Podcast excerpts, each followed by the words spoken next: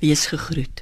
Ons praat hierdie week oor Naomi en Rut en wat hierdie twee merkwaardige mense ons kan leer. Baie van ons kyk terug op ons dag en weeg dit op teen net een ding: my persoonlike verhoudings. Het ek vandag 'n man of vrou se aandag getrek? Het ek vandag my lewensmaat gelukkig gemaak? Hoe lyk ek? Het ek mense vandag met my voorkoms beïndruk? Is ek suksesvol met hoe ek mense van 'n spesifieke geslag na my toe aantrek? Ja, die verhaal van Rut en Boas is inderdaad 'n soort sprokiesverhaal. 'n Arme meisie met 'n sagte hart trou met 'n vooraanstaande man. Ja, dis eintlik 'n onwaarskynlike liefdesverhaal en dit maak dit juis vir ons so romanties.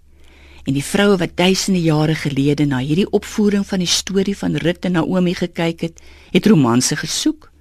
Hulle het gedroom van 'n ridder op 'n wit perd, oftewel 'n Boas, en sy naam beteken die sterke wat jou van jou harde werk op die landerye sal kom opraap en op 'n troon in sy huis sal sit.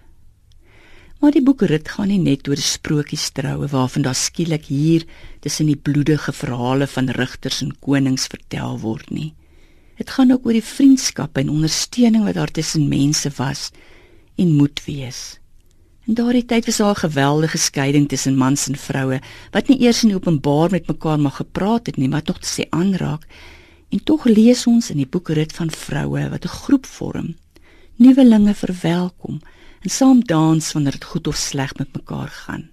Dit laat 'n mens tog dink aan hoe belangrik vriendskap is, hoe nodig ons mekaar se ondersteuning het, hoe ver ons kom met mekaar se geselskap. Bygesê is die geselskap opbouend is en die groep jou nie dwing om ongesonde dinge te doen nie.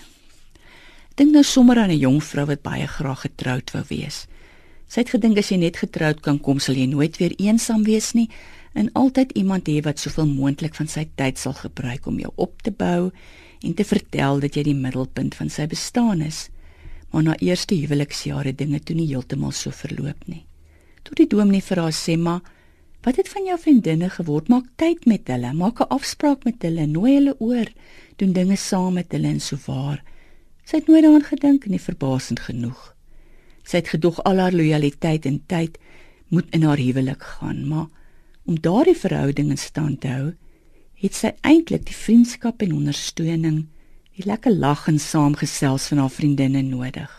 Of jy nou 'n man of 'n vrou is, dink aan die vriendskap tussen Rut en Naomi en die vroue saam met wie hulle geleef en gedans het.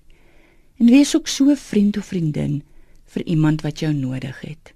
Boonop dink ons aan Jesus wat die armes die verskoptes en verstotenes ingenooi het wat eensame mense raak gesien het of hulle man was of vrou jonk of oud belangrik of onbelangrik. Jesus het seer mense raak gesien en hy was 'n vriend vir hulle. Kom ons bid saam Here.